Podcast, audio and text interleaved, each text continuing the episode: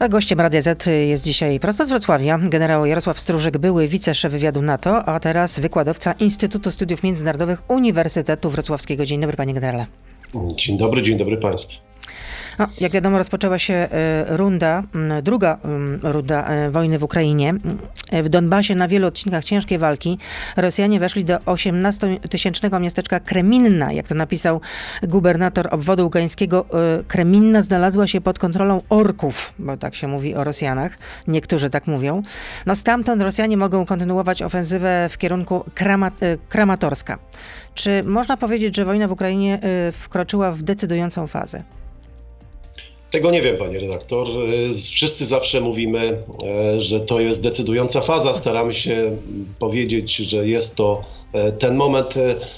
Tak naprawdę tego nie wiemy. Na pewno zdecydowanie zaczął się, zaczęła się druga faza obecnej, powiedziałbym, operacji wojskowej Rosjan. Możemy nazywać ich różnie, ja też nazywam ich chętnie bandytami w wielu przypadkach. E, natomiast y, zdecydowanie w tej chwili Rosjanie lepiej przygotowują się do tego e, ataku bardziej metodycznie, e, przygotowują tak zwanie artyleryjsko, czyli ostrzeliwują najpierw przed wejściem żołnierzy sił lądowych na dany teren. E, więc robią to, wydaje się, oby oczywiście nieskuteczniej, ale na pewno bardziej według kanonów e, sztuki wojskowej.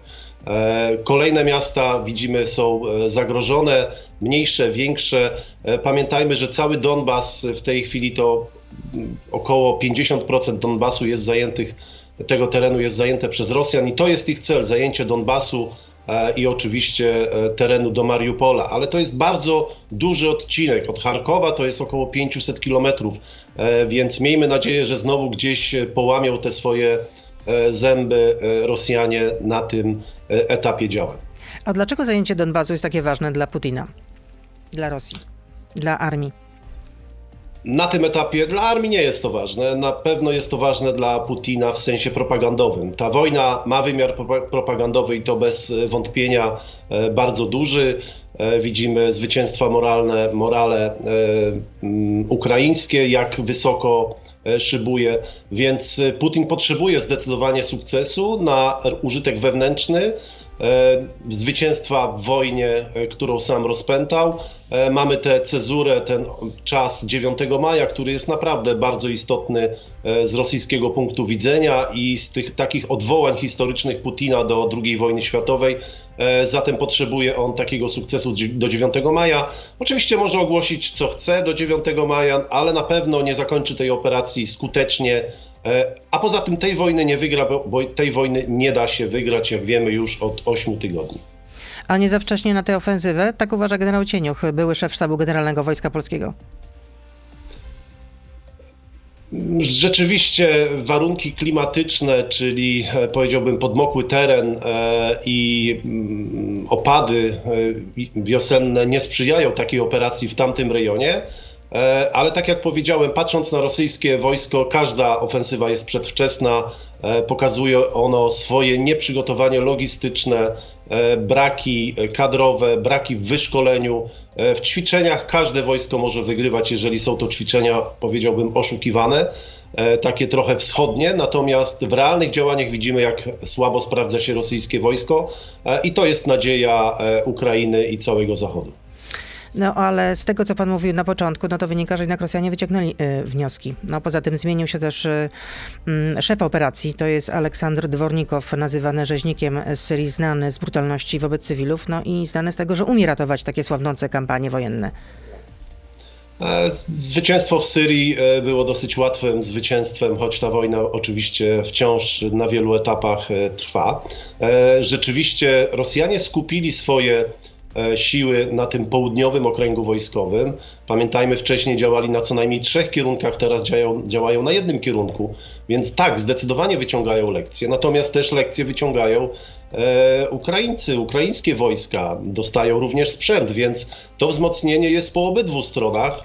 E, I pamiętajmy, że zawsze łatwiej się bronić, nie potrzebujemy tak dużych sił, nie potrzebujemy takiej przewagi 3-4-krotnej E, bądź większej, e, taka jaka jest e, przewidywana przez rosyjskie doktryny. Zatem rzeczywiście to przygotowanie napawa, powiedziałbym, nie napawa optymizmem. ale jednak również ukraińskie wojsko dostaje nowy sprzęt, Samoloty dziennie 5-7 z amerykańskim sprzętem przybywa do Europy, pewnie i do Polski i na Ukrainę są transportowane, mam nadzieję, skutecznie. Zatem to są te wyznaczniki naszego optymizmu i ukraińskiego morale. Tak jak powiedziałem, nie da się wygrać tej wojny, ponieważ e, ukraińskie społeczeństwo nie zaakceptuje okupanta e, przez kolejne miesiące. Zatem tutaj e, potrzebny może być sukces medialny Putinowi, ale to nie będzie zwycięstwo realne. To w takim razie, czy Ukraina jest w stanie wygrać tę batalię o Donbas? Czy Ukraina ma szansę się obronić? Ukraina ma szansę się obronić. Oczywiście miejmy, miejmy też przekonanie, że 30% Donbasu do tej pory było już pod okupacją e, sił prorosyjskich. Zatem ta sytuacja od 2014 roku znacząco się nie zmienia. E, I ten Donbas, co by się nie działo, będzie terenem, powiedziałbym, takim dyskutowalnym, e, niejednoznacznym przez najbliższe lata. Celem również Rosji jest zajęcie jak największej części Donbasu i również określenie takiego statusu dla kolejnych rejonów, e, być może pod Charkowem, e, w rejonie Mariupola, w rejonie w stronę Odessy, więc rozhuśtanie maksymalne e, tego rejonu przed jakimś rozejmem bądź rozmowami pokojowymi, które de facto będą rozejmem, a nie długotrwałym pokojem.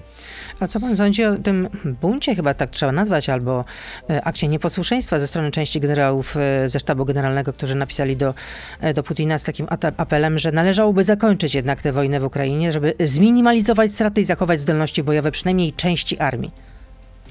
Jak zrozumiałem, byli to też byli generałowie w rozumieniu, byli dowódcy oczywiście. Jest to jakiś przejaw odwagi, natomiast ja nie wierzę w bunty społeczne i bunty generalskie po stronie e, Rosji. E, to są jakieś, powiedziałbym, wykwity, jakieś przebiśniegi, które szybko zostaną zadeptane przez ten reżim, który jest bardzo skuteczny w, atakowaniu własnego społeczeństwa, w zastraszaniu go i w kreowaniu absolutnej propagandy i absolutnego fałszywego obrazu świata. Zatem nie wierzę w żaden przewrót, nie wierzę w takie listy. Skuteczność takich listów E, to jest system wzajemnych powiązań w tym państwie, który powoduje, że ludzie się po prostu boją, akceptują, a de facto w jakiś sposób lubią takiego silnego przywódcę jak Putin. A gdyby Rosjanom udało się podbić Donbas w całości, też e, czytam takie scenariusze e, w prasie, to nastąpi powrót do, do Kijowa potem? Nastąpiłby? Oby nie. Na pewno nie na tym etapie, na pewno nie tak szybko. E, być może w perspektywie kilku lat, e, natomiast nie wierzę w taki scenariusz obecnie. E, Putin, co byśmy nie powiedzieli, jednak swoją logikę prowadzi, ma takie logiczne pewne myślenie pomimo takiego początku niefortunnego. Natomiast pamiętajmy, sankcje, które są coraz szersze, wycofujące się różne e, koncerny, w tym wreszcie niemieckie, wszystkie prawie wycofujące się e, z Rosji, ten efekt będzie e, widoczny za kilka miesięcy, w kolejnych latach. Zatem tu Putin ma świadomość słabnącej Rosji, a nie rosnącej siły Rosji. To ile to jeszcze potrwa? Można się pokusić o takie mm, prognozy, czy nie? Ja się nie pokuszę o takie prognozy, panie redaktor. E, to politycy rozpoczynają wojny, to politycy je kończą e, i to od ich decyzji, a w przypadku Rosji od decyzji Putina e, zależy, jak długo ta wojna będzie trwała. Mam nadzieję, że ten gorący okres wojny skończy się w maju bądź najdalej w czerwcu i nastanie dosyć kruchy pokój, nie tylko na wschodzie Ukrainy, ale również na terytorium całej Ukrainy, bo popatrzmy, E, Putin sygnalizuje swoją zdolność do atakowania również celów e, w okolicach Lwowa, czyli e, przy granicy polskiej, do atakowania konwojów zapewnie, do jakichś magazynów tej nowej broni. Więc tutaj ten teren również niestety nie, nie jest i nie będzie moim zdaniem spokojny. No to tyle w części radiowej. Generał Jarosław Stróżek z nami zostaje. Jesteśmy teraz już tylko na Facebooku, na Radio ZPL, na YouTube, więc proszę zostać z nami. Beata Lubecka, zapraszam. A co się dzieje, panie generale, z ministrem obrony Sergiejem Szojgu? On wraca, nie wraca, bo przecież y, były takie informacje, przynajmniej y, tak mówił izraelski miliarder, który urodził się w Rosji, mm, Leonid Niewzlin, jeśli dobrze przeczytałam, e, mówił o Szojgu, że miał leżeć na intensywnej terapii, bo miał rozległy zawał serca. No a tutaj mm, no, okazuje się, że miał się pojawić Szojgu wczoraj na posiedzeniu zarządu Departamentu Wojskowego. To możliwe? Widzieliśmy ten filmik. Ten, ten filmik z tego posiedzenia nie jest jednoznaczny, czy to się odbyło w ostatnich dniach. Zatem wciąż mamy e, dużą niepewność co do losów e, ministra Szojgu. E, na pewno nie jest on w dobrej kondycji ani fizycznej, ani psychicznej. Na pewno jest napięcie. Natomiast, tak jak mówiłem poprzednio, nie wie, jak nie wierzę w bunty generałów i społeczeństwa, tak również nie wierzę w bunt ministra Szojgu, który jest naprawdę E, najbardziej zaufaną, czy jedną z najbardziej zaufanych osób e, Putina. E, choć oczywiście możemy twierdzić, że taka osoba zaufana może się starać przemówić do rozsądku Putina i wtedy Putin może przedsiębrać kroki takiego arsenału radzieckiego, czyli wyeliminowania tego ministra. Ale tak jak mówię, myślę, że to jest taka mgła informacyjna na tym etapie, choć oczywiście, tak jak mówię, na pewno napięcia E, wewnętrzne e, są zauważalne. E, trudno tu o radość, bo Szojgu nie da się oszukać. Szojgu ma pełną wiedzę na temat strat osobowych, strat sprzętowych, które idą już w miliardy dolarów, więc sądzę jednak, że to jest duża troska na twarzy i sercu Siergieja Szojgu. A on cokolwiek ma jeszcze do powiedzenia, Pana zdaniem? Jako minister obrony? Sądzę, że tak. E, to jednak jest e, e, struktura dosyć hierarchiczna.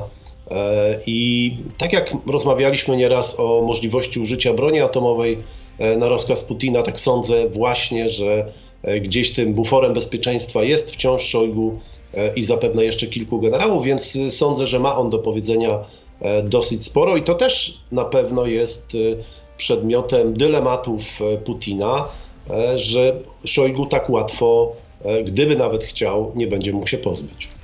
A wczoraj wieczorem prezydent Ukrainy Wołodymyr Zełenski powiedział, że rosyjska armia w tej wojnie zapisze się na kartach światowej historii jako najbardziej barbarzyńska i nieludzka armia świata. No zachowanie Rosjan w Ukrainie szokuje świat. Czy powinno?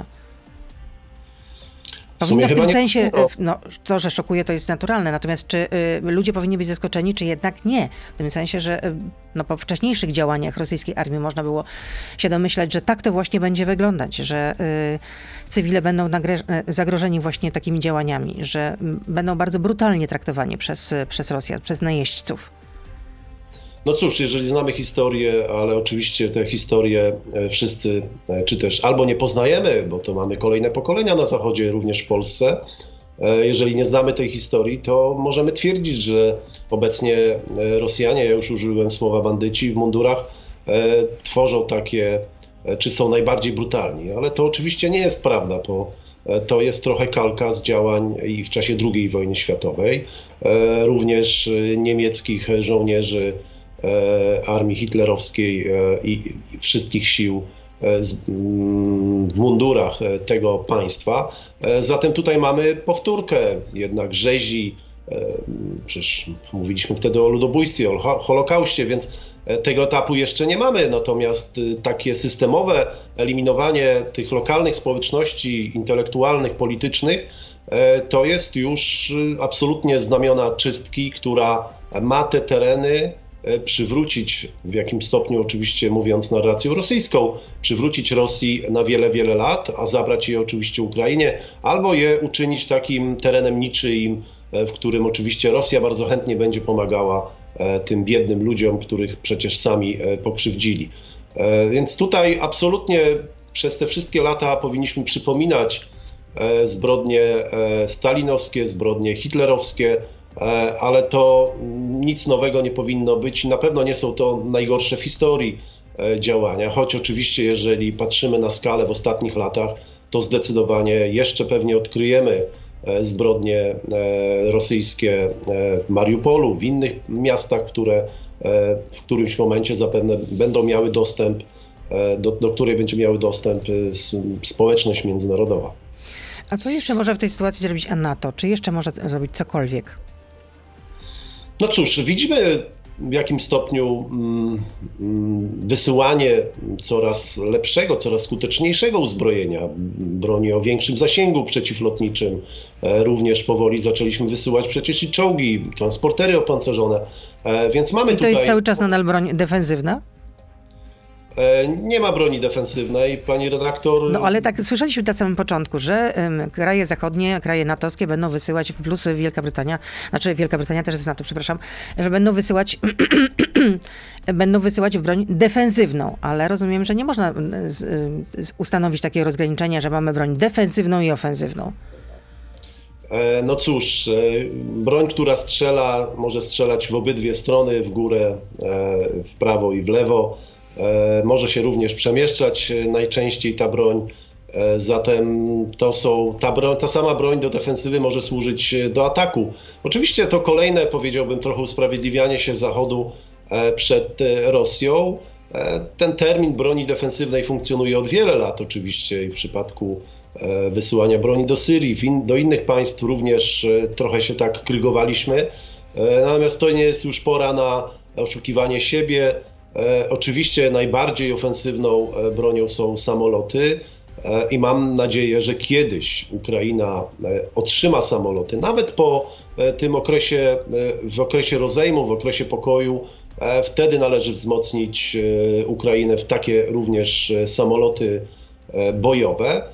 Natomiast na tym etapie każda broń służy obrońcom Ukrainy i ja się cieszę, że te zestawy broni przeciwlotniczej już średniego zasięgu, e, nie tylko takie krótkie rakiety e, są wysyłane e, do Ukrainy. Zatem to bardzo duży postęp, więc y, NATO robi postęp. E, Oczywiście mamy również kwestie deklaracji politycznych, ewentualnego wstąpienia do Unii Europejskiej.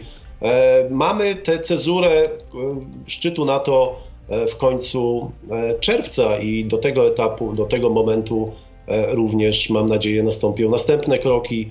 E, Również wzmocnienie, e, trwałe wzmocnienie, stałe wzmocnienie, stałe bazy e, żołnierzy natowskich, głównie oczywiście amerykańskich zapewne, bo tak zawsze to postrzegamy e, na terenie Polski i czekamy na ten krok, czekamy na decyzję NATO, ale również e, bilateralne, bo pamiętajmy, że e, nas wiążą ze Stanami Zjednoczonymi również umowy bilateralne.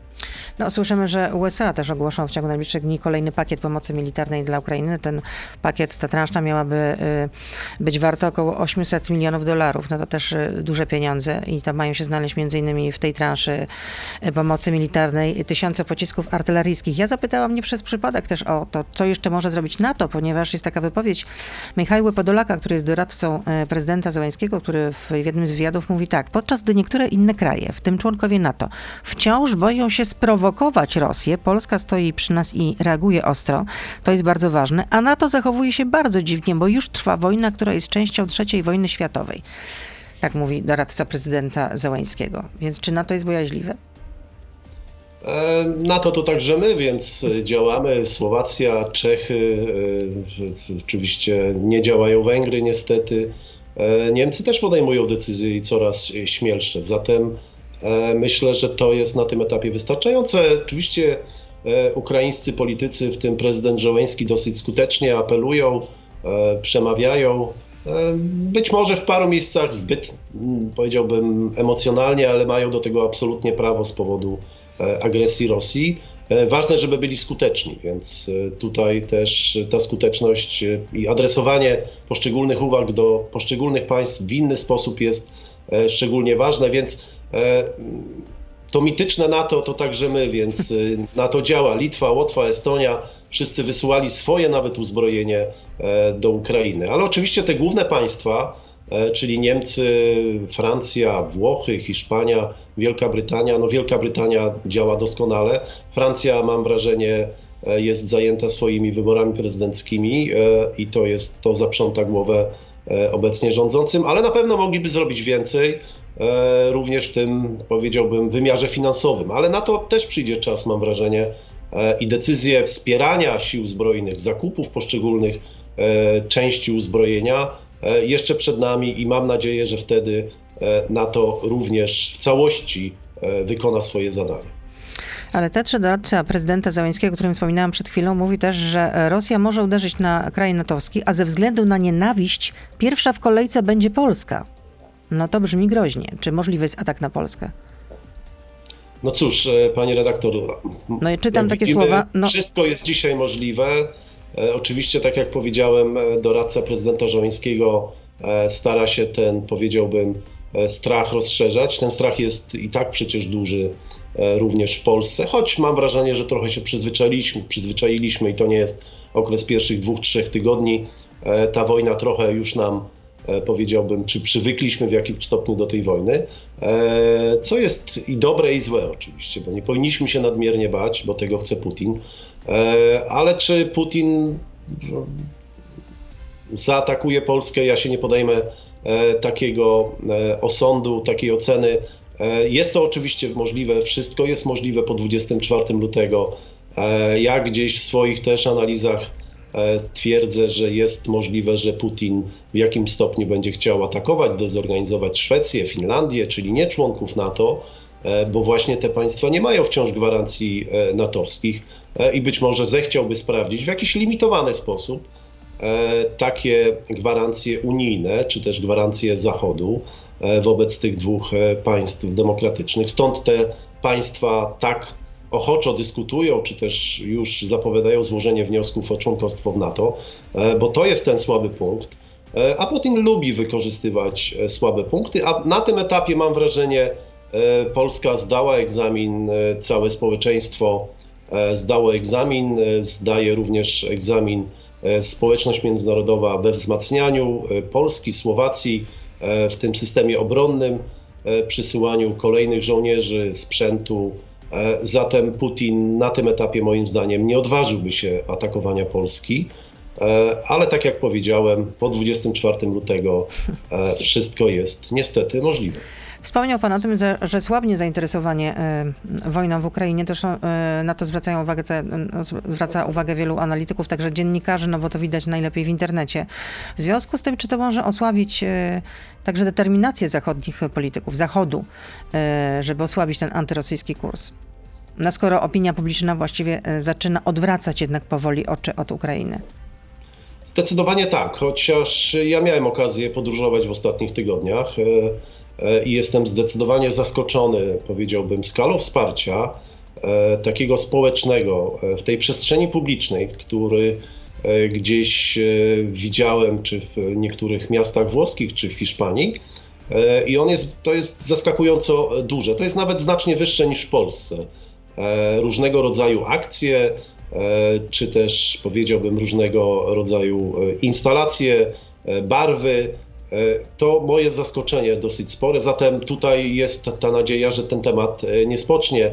E, obrazy mordowanych dzieci, kobiet, które są przecież absolutnie prawdziwe i które niestety będą się jeszcze pojawiały, bardzo oddziaływują na społeczeństwo zachodnie, które gdzieś spokojnie wiedzie swoje dostatnie życie. I to jest ten pozytyw, bo to społeczeństwo przecież w jakim stopniu determinuje działania polityków. Ale rzeczywiście moje obawy są dosyć duże, że e, taka e, pełzająca wojna, rozciągająca się na wiele miesięcy, e, może powodować osłabianie, może powodować akcje rosyjskie osłabiania tego, niektórych sankcji, ale no to mam, mam nadzieję, że to nie będzie prawdą w następnym roku, czy w tym roku, czy w kolejnych latach. Ale wojny XXI wieku miały wyglądać jednak inaczej. No tak jak w Iraku, w Afganistanie, y, no zresztą inaczej to wyglądało, y, wyglądała wojna o Krym. Więc jak to się stało, że ta wojna tak przypomina to, co się działo no, kilkadziesiąt lat temu podczas II wojny światowej? Zresztą y, Putin jest porównywany, stawiany w jednym szeregu teraz z Hitlerem. E, myśmy w NATO apelowali wielokrotnie o to, żeby ten sojusz wracał do swoich korzeni, do obrony kolektywnej. E, był przygotowany do tego. E, ale rzeczywiście w jakim stopniu jest to zaskoczenie, e, że ta wojna ma taki wymiar, powiedziałbym, twardy, czołgowy, e, armatni, bombowy. I to jest na pewno zaskoczenie dla wielu analityków, ale to pokazuje, że nie wiemy, jaka będzie kolejna wojna, więc stare powiedzenie wojskowe, aby nie przygotowywać się do poprzedniej wojny, również tutaj obowiązuje. Choć oczywiście nie możemy zaniedbać żadnego kierunku działania, ale pamiętajmy o obronie cybernetycznej, właśnie o działaniach hybrydowych. O tym nie możemy zapominać, więc aby pewne elementy działań, czy hybrydowych, cybernetycznych były skuteczne, być może czasami trzeba pokazać, że jest również obecna E, możliwość działania konwencjonalnego, czołgowego, jak już powiedziałem, e, aby na tamtych e, kierunkach ktoś lekko zaniedbał swoje działania. A jak wiemy, my trochę w Polsce działamy kampanijnie i przygotowujemy się do tych zagrożeń, które są już obecnie, tak jak i działania na granicy białoruskiej też były organizowane, mam wrażenie, ad hoc. Tak, w tym przypadku musimy patrzeć szeroko, co jest szalenie oczywiście trudne, ale E, ta wojna, trzeba wyciągać z niej wnioski. Ona ma wymiar II wojny światowej, jak pani powiedziała, ale ma też szereg nowych elementów od wymiaru e, mediów społecznościowych, wpływów na świat, ale również od e, bezzałogowców, od tego wszystkiego, co lata na niebie, również polskim samolotów rozpoznawczych, samolotów bezzałogowych, również bojowych. To jest ten nowy wymiar, który na pewno musimy wyciągać wnioski i wzmacniać e, polską przestrzeń obronną. Ale rozumiem też, że przewagą Ukraińców są żołnierze szkoleni przez NATO, bo tam czytałam w polityce, że NATO szkoliło około 10 tysięcy ukraińskich żołnierzy rocznie. To na czym polega ta różnica w tym wyszkoleniu? Jeśli chodzi wiemy o, o armię ukraińską, a to jak, jak działa armia, e, funkcjonuje armia rosyjska? E, wiemy od prawie 30 lat, że szkolenie natowskie jest y, szalenie skuteczne. Jest ono inne, bo e, szkolimy głównie żołnierzy zawodowych. Problemem rosyjskim byli e, żołnierze służby poborowej i kontraktowej, e, ale oczywiście takie twarde szkolenie wojenne jest potrzebne, bo przy tym wymiarze wymiany kilkuset tysięcy żołnierzy poborowych co, co 2-3 lata, trudno jest utrzymać taką ciągłość szkoleniową i to jest problem rosyjski. Natomiast siły zbrojne ukraińskie, które urosły e, z tych, powiedziałbym, kilkudziesięciu tysięcy realnie do 250 tysięcy, e, miały realne wyszkolenie Brytyjczyków, Amerykanów, również Polaków, kilku innych nacji. Te szkolenia odbywały się głównie niedaleko granicy polskiej w Jaworowie, pod Lwowem na poligonie.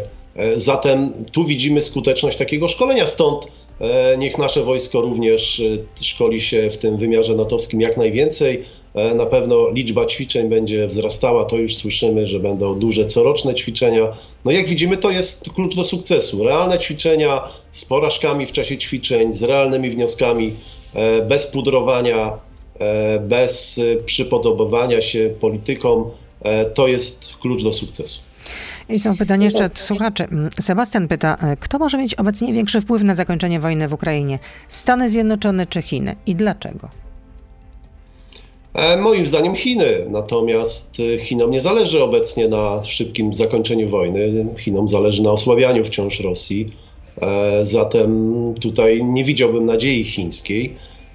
Aczkolwiek realnie sądzę, że wciąż ten głos mają oligarchowie rosyjscy rozproszeni po całym świecie, obawiający się o swoje jachty i swoje majątki.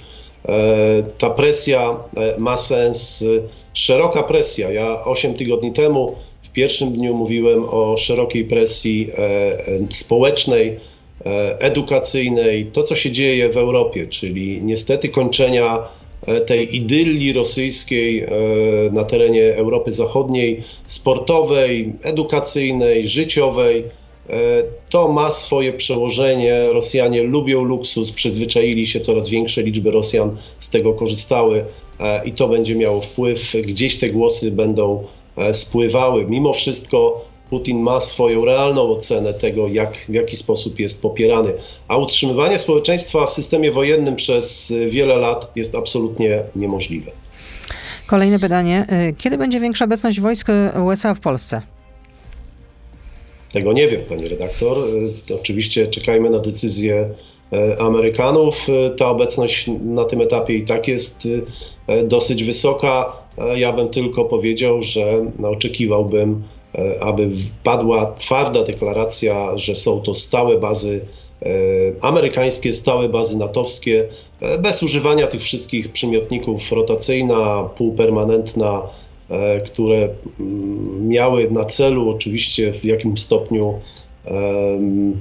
być może osłabienie reakcji Rosji. Dzisiaj już nie ma na co czekać, zatem stałe bazy w Polsce w kilku miejscach, które już są w praktyce stałe, czy w Poznaniu, czy w Żaganiu, e, w Powidzu, e, w Orzyszu, Rzeszów na pewno będzie miał swoje znaczenie e, nowe.